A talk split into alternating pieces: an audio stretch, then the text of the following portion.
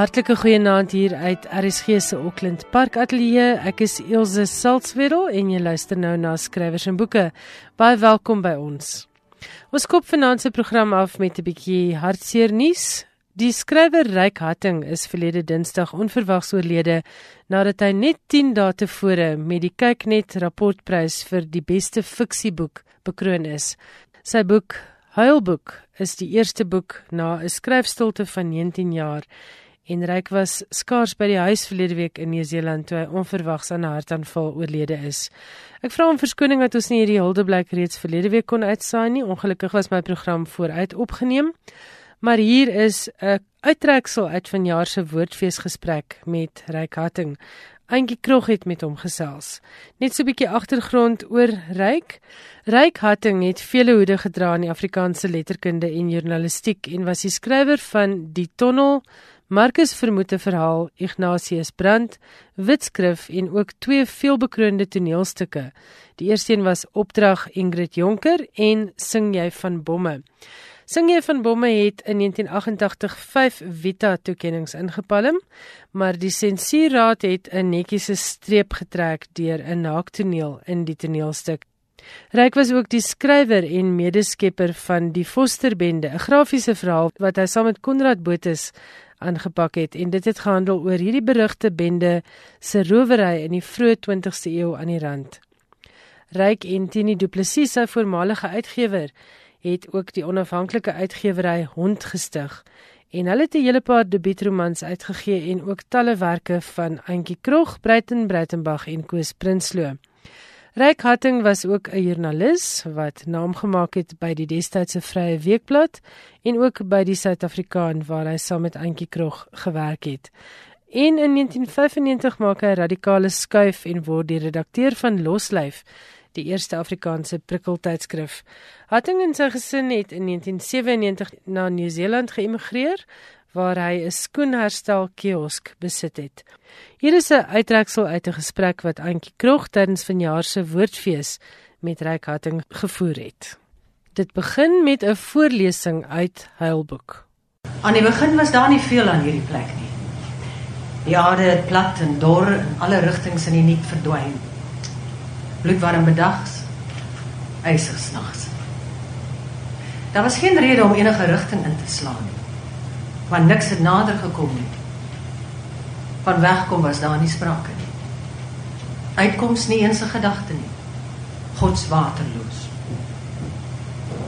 Om te wees op 'n plek en terselfdertyd ook die plek te wees. En tog het ek soms tuis gevoel in my lyf op my plek. Aan die begin het ek nie geweet hoe kom nie. Miskien as ek so geskaap het ek soms gedink om vir altyd die bestaan van 'n tuiste te verhoed. Altyd net vir 'n oomblik teen geluk te skuur. Miskien na 'n dag se gedraal in die intense hitte in die hel, die salige lafenis van die koel wind in die aand net voor die son sak te ervaar. Miskien die halfuur of so se gevoel dat lewe in die godlose plek tog haalbaar is. Dan die koue 'n rillende koue aan die ander kant van die verregaande weerspektrum. 'n Koue wat jou na 'n koue wat jou na vuur laat smag, na 'n paar uur tevore se gekop swaai in 'n ander hel. Stil en eensame koue wat soos onbinding onder die sand uitkruip en jou lyf vesel vir vesel takel. Met jou bevrore ore hoor jy nie meer die jakkals geskal in die verte nie. Klank het jou versaak. Jy sluk stof Maar dan na 'n halwe ewigheid in die woestynheid breek die dag geleidelik en dramaties en later bloedrooi en is die son weer op jou. Weer eens 'n halfuur of so se lafenis. Tyd om te ontdooi, die koue weg te sweer, af te sweer, te vergeet selfs. 'n Orgasmiese plek sonder vries. 'n Orgasmiese plek tussen vries en verteer, 'n vliegende halweghuis tussen ys en stoom. Maar dan begin alles weer van voor af. Die hitte. Die dansende nevelbeelde voor jou oë. Dis toe dat ek haar begin raak sien. Aanvanklike vlugtige aanvanklik vlugtige beelde uit die hoek van my oog. 'n Bors, 'n heup, enkel. Maar as ek reg kyk, niks. Net die rooi ongenaakbaarheid van die snakkende land. En tog het dit my opgewonde gemaak hierdie ontwykende teenwoordigheid, die moontlikheid van lewe. En ek het my oë begin oefen. Geleer om op dinge te fokus, die mure op die grond, die voëls in die lug, die insekte teen die boomstamme, die bome. Die bome. Daar was bome. Met stamme, takke, wortels, blare en makke. En ek het steeds gesoek in die snipwarm dae na die parte van die vrou wat my so ontwyk. En hier vind ek 'n vetplant soos 'n toentjie en daar 'n vruggie soos 'n tepel. Hier 'n grasbok soos 'n klossie hare. Daar 'n mierleeu val soos 'n naak. En die sonbrand laat my dinge sien. Ek sit die vruggie op 'n hoopie grond en maak 'n bos. En in die koue nagte omhels ek my eie lyf wanhoopig teen die koue en druk myself styf teen die bome aan.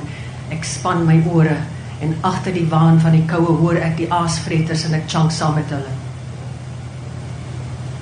Ek voel hoe die nag my hart oorval en ek wil myself oorgee aan die verkleim, hierdie pynlike plek verwel roep. Maar dan gewaar ek die pink glouf in die ooste en voel 'n warmte oor my daal die gleuf pas. Die gleuf pas.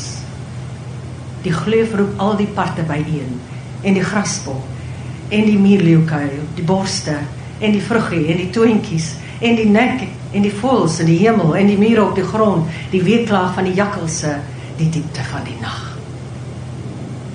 Dan sien ek haar vir die eerste keer. Volledig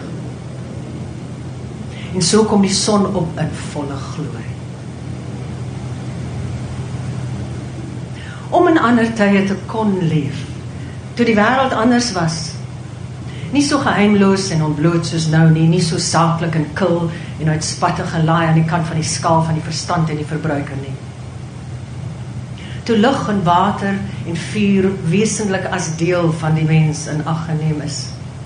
En grond natuurlik toe mens in element 1 was. Toe lewe en dood nog voor ons oë gebeur het.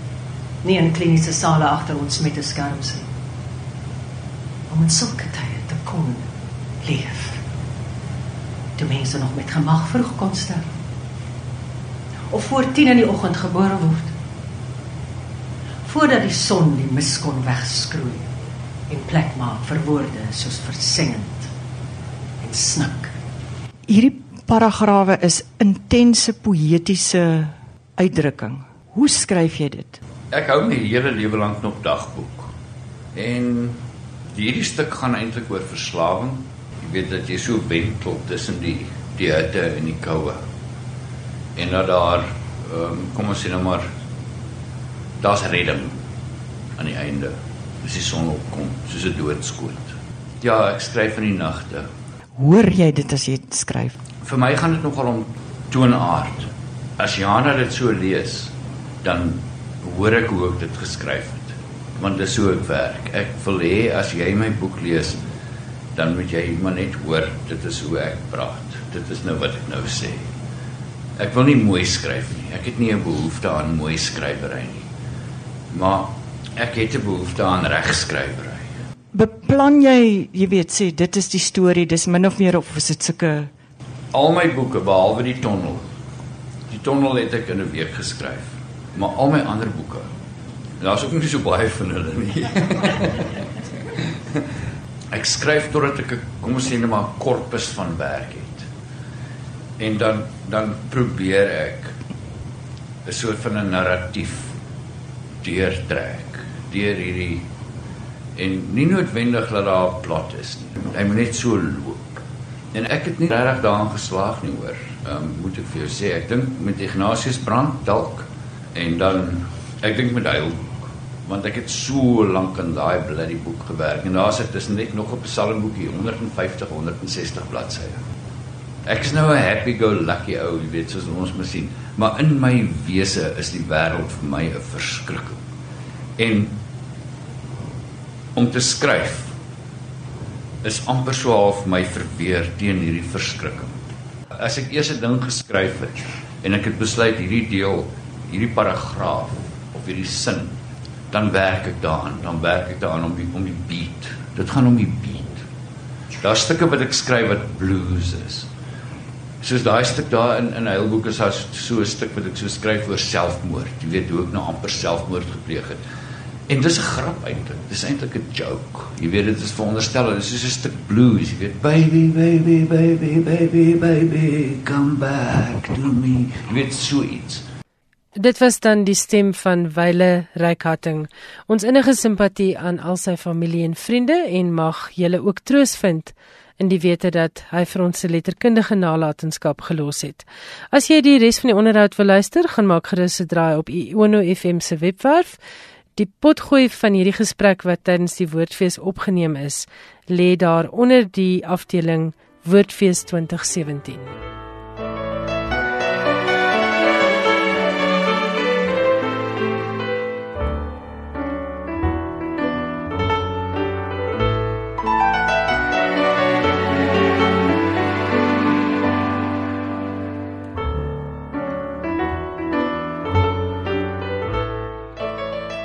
Die kortlys vir die Suid-Afrikaanse letterkundige toekenninge, oftewel die SALA Awards, is die naweek aangekondig en daar is 5 Afrikaanse skrywers onder die finaliste. Hulle is Rula Hatting wat benoem is vir die Nadine Godemer toekenning vir kortverhale vir haar bundel Kamee. Dit is verlede jaar ook met die Universiteit van Johannesburg se debuutprys bekroon. Amy Jefta vir Kristalvlakte in die kategorie debuutpublikasies. Ronalda Kamfer in die poesie afdeling vir haar bundel Hammy, Etienne van Heerden vir sy lewenswerk en Elsbie Brits vir Emily Hophouse geliefde verraaier wat reeds vanjaar met twee pryse vir nuwe fiksie bekroon is.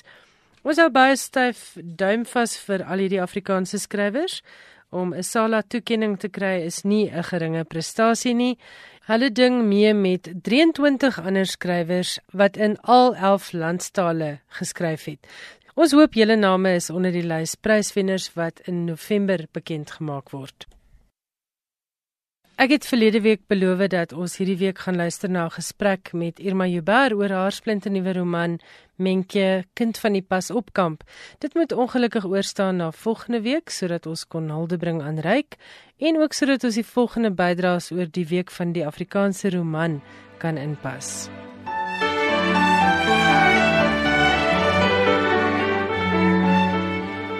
Die week van die Afrikaanse roman het van 29 September tot 8 Oktober in Nederland plaasgevind.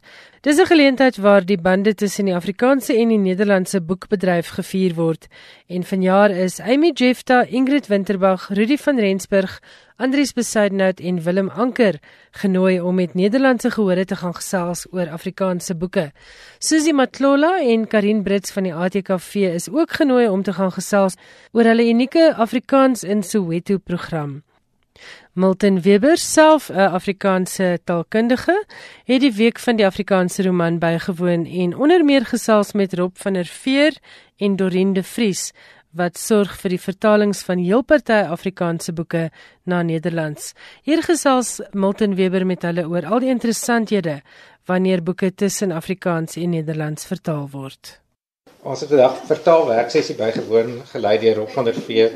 Rob, uh, jy het al jou 'n paar Afrikaanse boeke vertaal na Nederlands? Ik het, maar dis nie uh, ek dink dis nog nie soveel as uh, Riet Gosens jong, Riet Jong Gosens. Hy het baie baie boeke vertaal en ek is 'n bietjie 'n beginner in uh, vertaal Afrikaans Nederlands. Maar ek is baie lief vir die taal en dat ek het uh, Karels kom af vertaal. En hier die werkswinkel wat ons vandaag uh, het gehad. Dit was uh, vir die week van die Afrikaanse roman.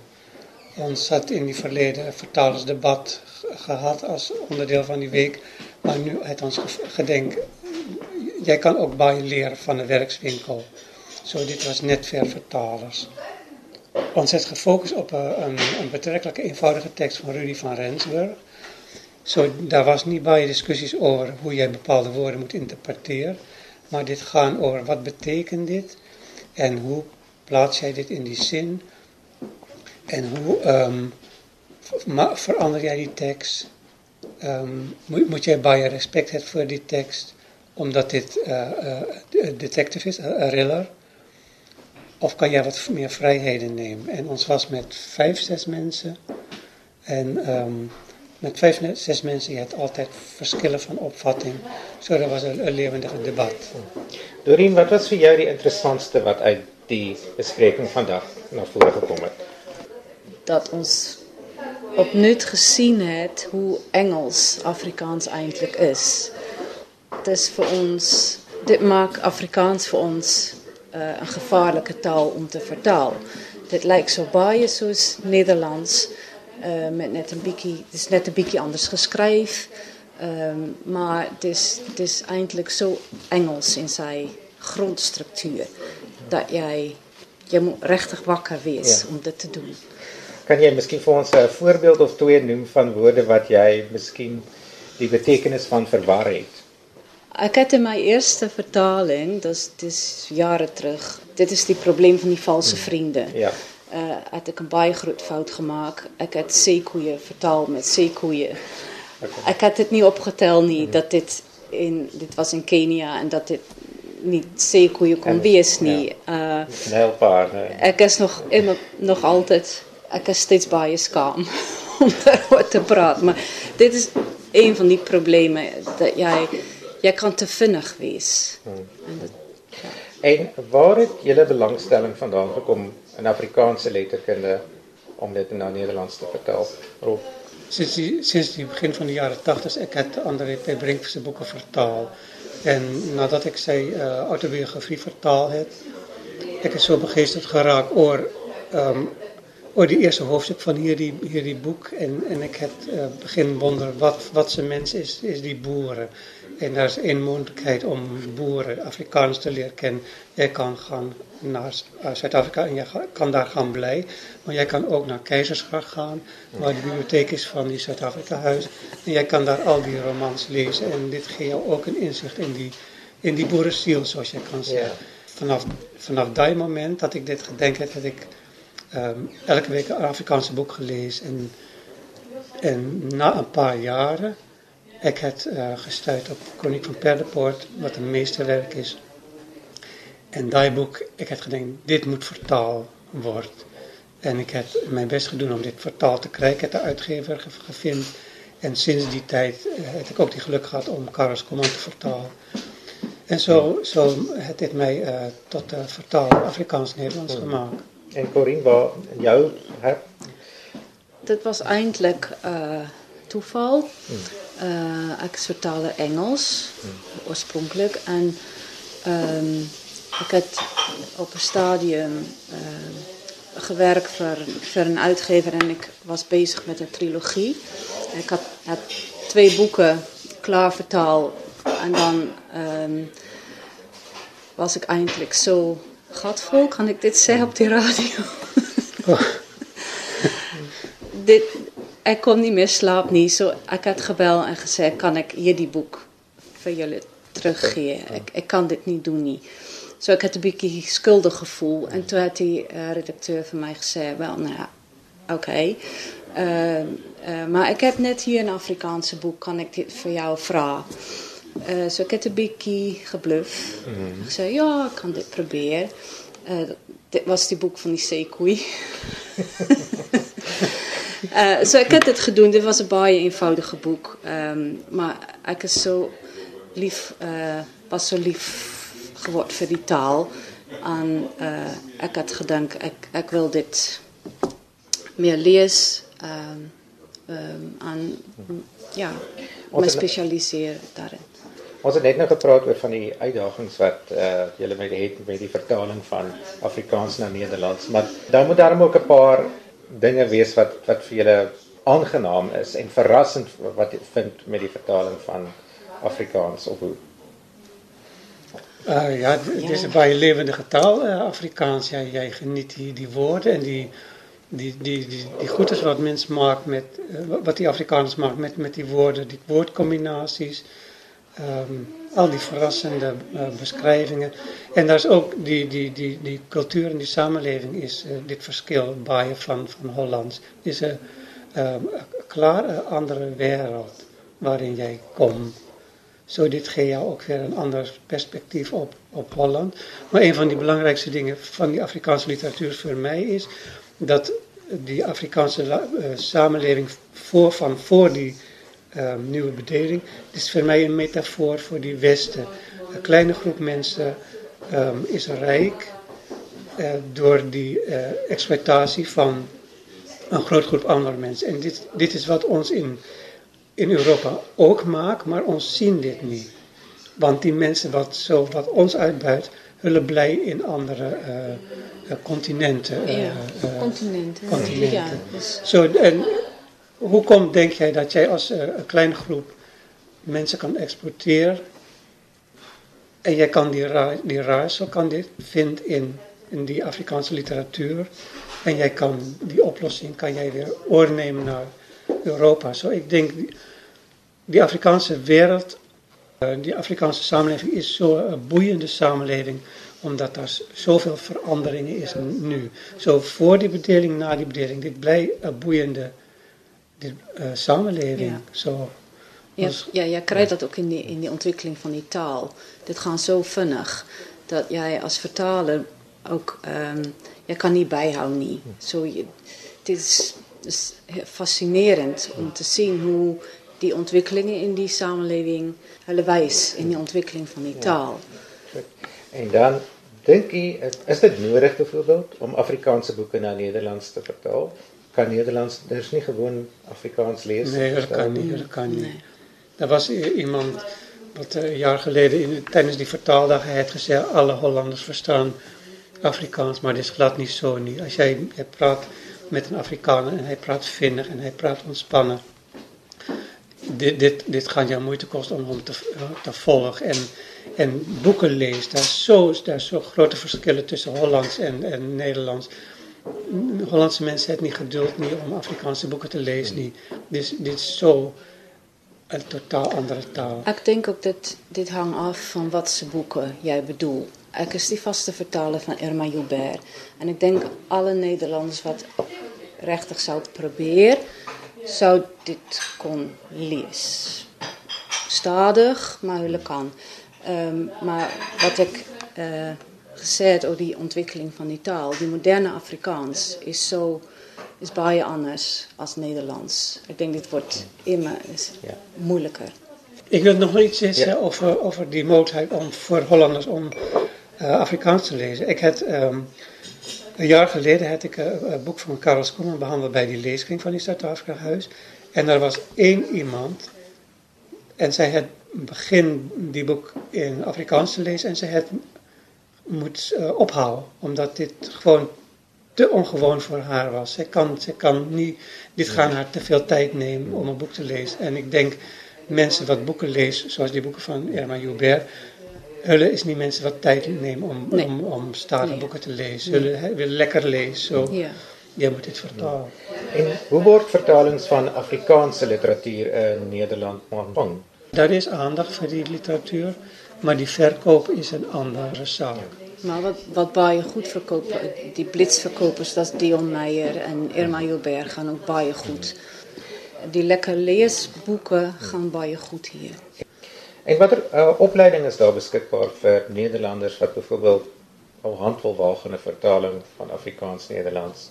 Hoe het julle gemaak? Het julle gewoon Daar is nie. Daar is nie, daar is nie. Nee, dit Nee, dis net ja, nee. werkswinkels on, ons doen dat ons doen dit saam. Nee. Eindelijk, ja. Ja, ik, ik heb die Afrikaans geleerd door al, al die boeken te, le te, lezen, die honderden boeken. En ook om op een stadium een grammatica boek te, te lezen. En ik heb natuurlijk ook baaien naar RSG, uh, eh, Radio Zonder ja. Grenzen, geluisterd. Ja. En dit, dit, uh, dit geeft ook nieuwe inzichten en dit, geeft jou, dit, dit laat jou horen wat, wat, die gang, wat is gangbare woorden en wat is vreemde woorden in Afrikaans. Dit, dit is ook een, een, soort van, van klas wat jij volgt. Maar dat is niet een officiële opleiding. Niet. En voor mensen wat dit, dit, wat dit zou willen doen, is mijn advies gaan eerst naar die vertalersvakschool, dus de opleiding voor ja. vertalers en en volg die klasse in Engels. Want als jij vertaalt uit Afrikaans, moet ook jouw Engels bij je goed wezen. Ja. Om die onderliggende Engelse structuren en woorden ja, te kunnen herkennen. Tel, ja. Hmm.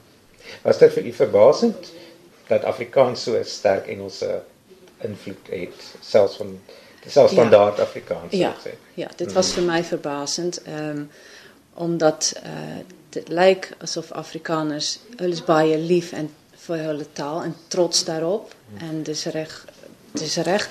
Uh en dan is dit verbasend vir uh die Nederlandse leser om so baie Engelse uitdrukkings te vind wat hulle letterlik Vertaal het. uh, vertaal het. Ja, soos ehm ek trek sommer jou been. En Ja, ehm jy kan kan in Holland zeggen ik trek zomaar aan je been. Dat, dat, dit is, dit is een, niemand gaat dit verstaan. Nee. Hulle gaan jou een taai klap geven. Baie dankie. En dit was dan Rob van der Veer en Dorien de Vries. Dit was die stem van Milton Weber, 'n Afrikaanse taalpraktisyn hier van Johannesburg wat die week van die Afrikaanse roman in Nederland gaan bywoon het.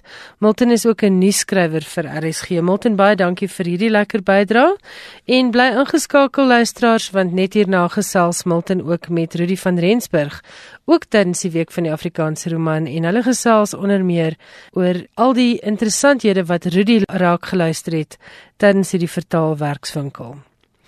As jy nou pas ingeskakel het, jy luister na skrywers en boeke. Ek is Elsje Salzwedel en ons gaan nou voort met Milton Weber se bydraes uit Nederland oor die week van die Afrikaanse roman. Hier gesels Milton met die gewilde skrywer Rudy van Rensburg wat ook die sessie oor vertaling tussen Afrikaans en Nederlands bygewoon het. Milton en Rudy gesels 'n bietjie oor al die interessanthede rondom die vertaling van Afrikaans na Nederlands en ook oor Rudy se belewenis van die week van die Afrikaanse roman. Ons gesels vandag hierso met Rudy van Rensburg. Ons het nou onlangs 'n vertaalwerksessie bygewoon van sy werk deur 'n paar Nederlandse vertalers van Afrikaans na Nederlands. En ons het so 'n bietjie gesels oor van die vertaalprobleme wat die vertalers opgedoen het. Rudy, een van die probleme waarmee die vertalers nogal gesukkel het, is die gebrek aan 'n onvoltooide verlede tyd in Afrikaans. Jy weet, ons skryf sommer in die teenwoordige tyd en dan weet almal ons bedoel eintlik die verlede tyd. Het dit jou verbaas dat uh iets soos dit so wat vir ons so nietig voorkom vir hulle so 'n probleem kan wees. Dit het my nogal verbaas. En maar, maar skynbaar is dit nie net in Afrikaans nie, maar ook in Engelse vertaalwerk wat hulle sukkel daarmee. Ek was verstom geweest om te hoor dat dit vir hulle 'n probleem skep. Ek nie weet moet hulle die boek in die teenwoordige tyd of in die verlede tyd skryf nie. Ek het nooit in my wilse drome gedink dat dit 'n probleem kan wees vir enige vertaler. As daar nog iets anders wat vir jou interessant was wat uitgekom het uit daai vertaalsessie. Jy weet woorde wat wat ek nou regtig waar wat 'n ou dink uit jou jy jy dit geërf van jou stamland af, Mm. Nederland. Selfs die titel van die boek Slaghuister Dit was wat wat wat 'n pro probleem vir hulle was want 'n slaguister is blykbaar een of ander implement waarmee jy teels van die vloer af loskap. En uh dieselfde betekenis as Afrikaans. Ek dink die regte vertaling is wildklem as ek onthou wat hulle nou voorgestel het Ja. met die met die um, voorstel dat klem dalk 'n beter beter uh, boeknaam Maar dit klink nie die heeltemal so gewelddadig So nie. gewelddadig so slaghuister nee, nee, beslis nie. Natuurlik die die die die ander ding wat my verstom het al was dat ek het die hoofstuk geskryf van 'n uh, olyfboer Ja. wat vir hulle nie sin gemaak het nie. Hulle praat van 'n olyfkweker of 'n olyfteeler want hulle sê 'n boer word net 'n boer genoem as hy met uh, met lewende hawe boer. Ja. En enige ander oues wat wat met gewasse uh, werk is 'n kweker. Ja. 'n teeler. So, Het jy self al jou hand gewaag aan 'n vertaling van literatuur? Nee, glad nie. Hoe genaamd. Jy het moeilik geïdentifiseer met die probleme wat jy identifiseer maar ek het regtig die sessie was so interessant, jy weet, Ja. en en toe ek daar uh, klaar is met die sessie toe besef ek vir die eerste keer wat se ongelooflike uitdagings daar vir enige vertaler is. Ja. Maar ek dink is wel tog 'n bevredigende. Baie baie bevredigend. Ons is nou aan die einde van die week van die Afrikaanse roman. Wat het dit vir jou beteken? Jy sou behalwe dat dit 'n ongelooflike voorreg was om genooi te word, jy weet, in eerste instansie. Was dit vir my 'n uitsonderlike ervaring want ehm um, hoewel jy weet in Suid-Afrika word 'n ou baie blootgestel aan boekbekendstellings en praatjies en so meer. Wat vir my baie interessant was was die Hollandse lesers wat ek na die tyd mee gepraat het en en en en hulle geïnteresseerdheid veral in die Afrikaanse literatuur het my verstom. Dis natuurlik mense wat soontoe gekom het is mense wat outomaties belangstel in in, in Afrikaanse letterkunde en dat ehm um, jy weet die bekende name in Suid-Afrika soos Leon Meyer en so meer vir hulle ook net so bekend is ja. en gewilde wilde skrywer hier is. Ehm um, maar en natuurlik hulle baie belangstel in die politieke en die aktuelle kwessies in Suid-Afrika en dat dit by hulle aanklank vind omdat ek dit so 'n bietjie in my boeke uh, my boeke aanspreek.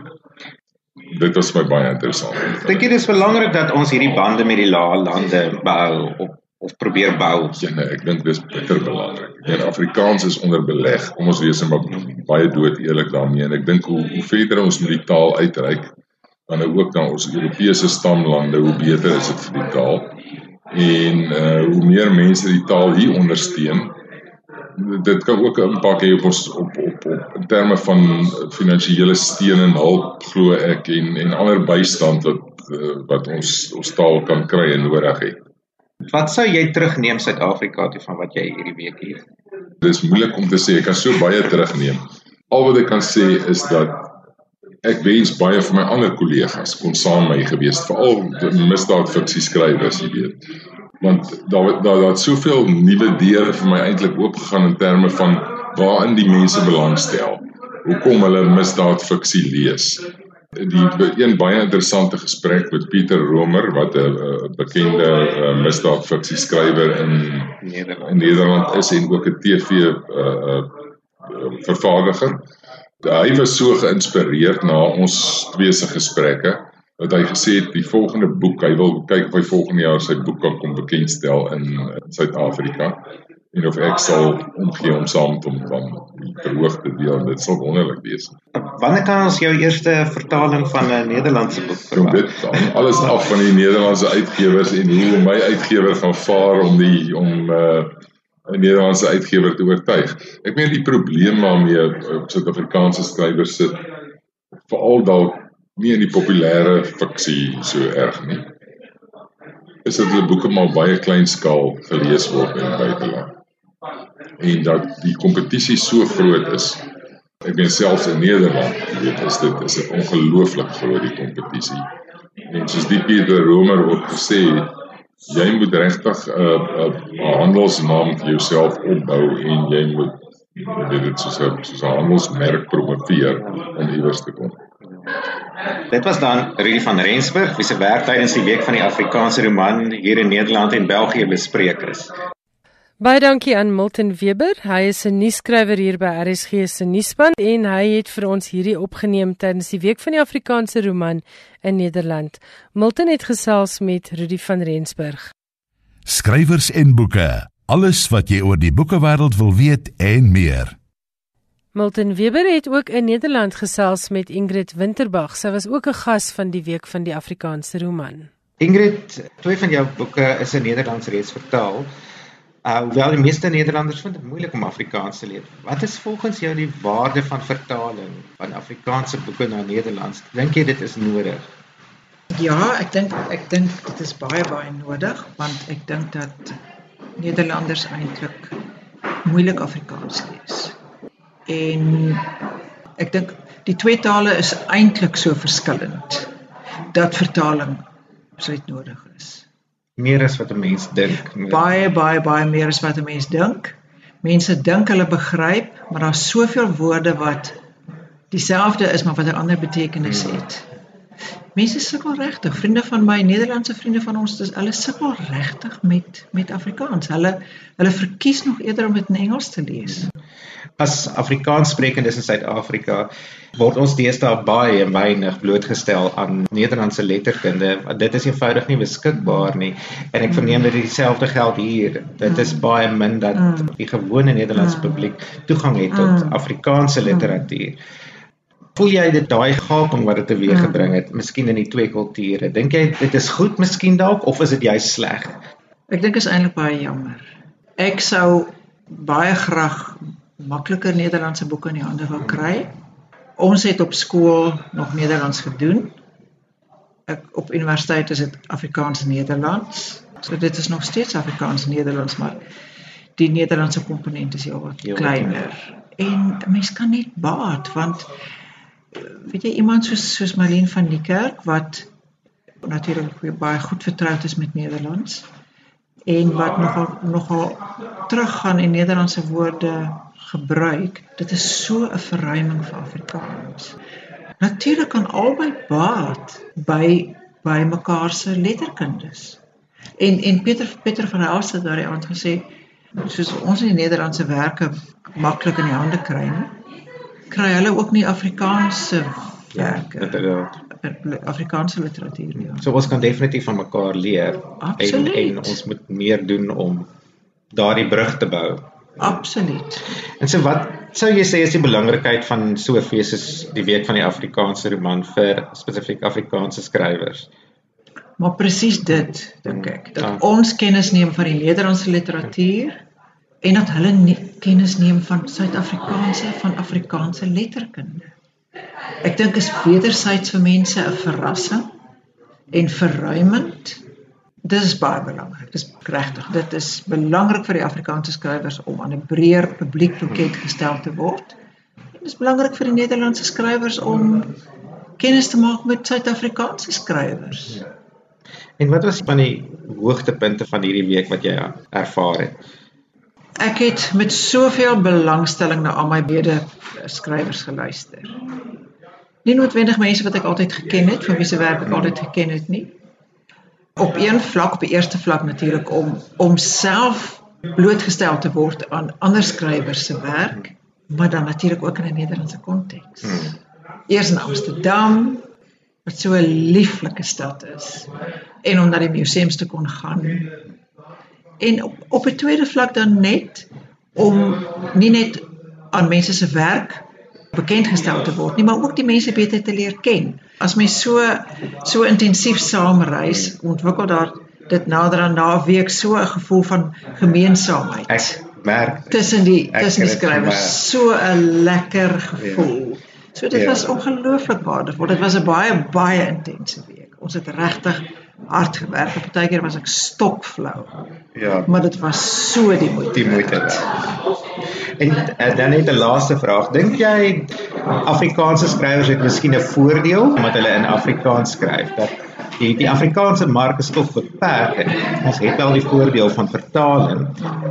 Maar as jy in Engels skryf, dan word jy nie sommer vertaal nie, maar die mark is so is so wyd en so groot. Ja, dit natuurlik voordele en nadele. Die voordele is dat daar's 'n hele klomp feeste waar die letterkunde 'n belangrike waarvan die letterkunde 'n belangrike aspek is. So in die Afrikaanse gemeenskap word daar baie gedoen om om skrywers en letter en en en werk onder die aandag te bring. Nie soveel dink ek in die Engelssprekende gemeenskappe in in in Suid-Afrika. Maar as jy nie vertaal word nie, dan bly jy binne daai Afrikaanse. En dis nie almal se werk wat vertaal word nie. Dis nie almal se werk wat vertaal word nie. Jy moet vertaal word as jy wil as jy wil deel wees van die breër Suid-Afrikaanse letterkunde. Maar ook as jy 'n breër leserspubliek wil. En dan is dit nog so dat die Engels die Engelssprekende Suid-Afrikaanse skrywers sukkel ook. Want die belangrikste is maar die boeke wat van buite af kom. Waarmee hulle moet weet. Dan is dit pas die Engelse skrywers en dan die Afrikaanse werk en vertaling. Ja. Wat waarvan ons is nie so eintlik so geesdriftig hmm. van kennis neem nie. Ja. Inderdaad. So dis maar 'n bietjie 'n uh, ambivalente situasie ja. vir die skrywers. En dit was dan Ingrid Winterbag, een van die skrywers wat vanjaar uitgenooi is om die week van die Afrikaanse roman by te woon en wie se werke tydens die fees bespreek is. Baie dankie Milton Weber vir jou bydraes daar uit Nederland oor die week van die Afrikaanse roman en baie dankie aan Ingrid Glorie en haar span wat jaarliks sorg dat Afrikaanse skrywers Nederland toegeneem word vir hierdie uitsonderlike week.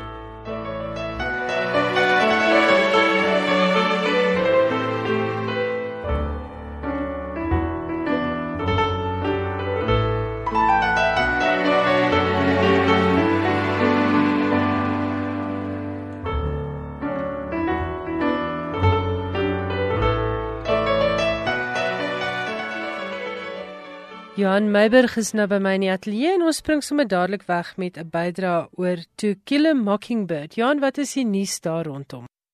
Die Britse dagblad The Guardian berig To Kill a Mockingbird, die klassieke roman van Harper Lee oor rasisme in die Amerikaanse suide, is verwyder van die leeslys van 'n hoërskool in Mississippi omdat verwysings in die boek mense ongelukkig kan maak. Die skoolhoof van 'n skool in Biloxi in die deelstaat het aan 'n koerant gesê daar was klagtes oor die boek en dat die boek verwysings bevat wat mense ontstel. Die boek bly in die skoolbiblioteek, het hy gesê, maar dit word nie meer in die klas gebruik nie. Leiden se boodskap op die skool se webwerf sou To Kill a Mockingbird verkondig dat meelewing en empatie nie berus op ras of opvoeding nie. Die boek wat in die 1960s verskyn het en die Pulitzerprys verwerf het, gaan oor rasseongelykheid in 'n klein dorpie in Alabama nadat 'n swart man aangekla is van die verkrachting van 'n wit vrou. Meer as 40 miljoen eksemplare van die boek is verkoop en die rolprent weergawe daarvan het verskeie Oscars ingeoes. In 'n brief van die plaaslike koerant het 'n leser die stap beskryf as kortsigtige sensuur, juis omdat die boek die menslikheid van alle karakters benadruk ongeag sosiale status, intellek of ras. Dit sou moeilik wees om 'n tyd aan te dui waarin die boek so relevant is as juis nou, het die briefskrywer gesê. Dis nie die eerste keer dat die boek onttrek word nie. In 2016 het skole in Virginia Lee se boek ook uit die leerplan verwyder. Ek het toevallig die naweek 'n tweet gesien van 'n rekening op Twitter wat kastig hoort aan Atticus Finch wat mm -hmm. mos die hoofkarakter is in To Kill a Mockingbird. En ek kan nou nie die presiese woord hier op die lig herhaal nie, maar hy het gesê that's the point of the book. Om mense ongemaklik te laat voel. Om mense te maak yes. en te laat dink en te laat besef hierdie vooroordeele en stereotypes waarmee ons groot word is nie waar nie. Hoe kan 'n mens se skuif maak as jy nie eens ongemaklik is nie? Ja, ja, presies. Dan het jy vir ons nuus oor die moderne tendense in Britse poësie. Meer as 1 miljoen digbundels is verlede jaar in Brittanje verkoop, die meeste nog. Volgens Nielsen, die boeknavorsers, het verkope gestyg met 13% tot soveel as 10,5 miljoen Britse pond. Aanduidings is dat Rupi Kaur digter en sosiale media sensasie bygedra tot die herlewing van die genre. Kaur se jongste bundel, The Sun and Her Flowers, het pas verskyn. Verkope van haar debuut in 1914, Milk and Honey, het alle verwagtinge oortref en vanjaar alleen is meer eksemplare van die bundel verkoop as die bundels van die res van die 10 gewildste digters saam. Ten opsigte van verkope stof sy skrywers soos Ian McEwan uit. Die 25-jarige Kaur is op 4 saam met haar ouers van Punjab na Toronto waar die gesin hulle gaan vestig het. Sy het met Engels as tweede taal groot geword. Haar poesie bestaan uit eenvoudige verse wat maklik is om te verstaan, dikwels so kort dat 'n mens dit in een asem kan lees. Haar gedigte gaan oor liefde en verhoudings, hoewel sy nie wegskram van kwessies soos alkoholisme nie. Oor haar werk sê sy: "Niemand moet van my gedigte kan sê wat beteken dit nie. As ek skryf is my dryfveer, kan ek daardie woord verwyder. Hoe kan ek dit direkter maak, minder tegnies? Die benadering maak Kaur se gedigte eksie perfeksie vir Instagram.